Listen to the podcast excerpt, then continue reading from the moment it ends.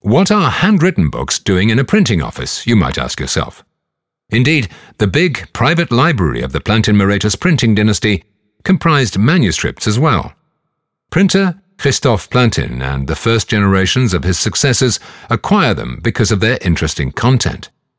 They contain text material that the firm wants to print and publish, like, for example, Greek and Roman authors.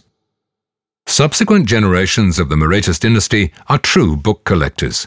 They assemble an impressive collection of beautiful manuscripts, such as Bibles and prayer books. Have a close look at the magnificent miniatures.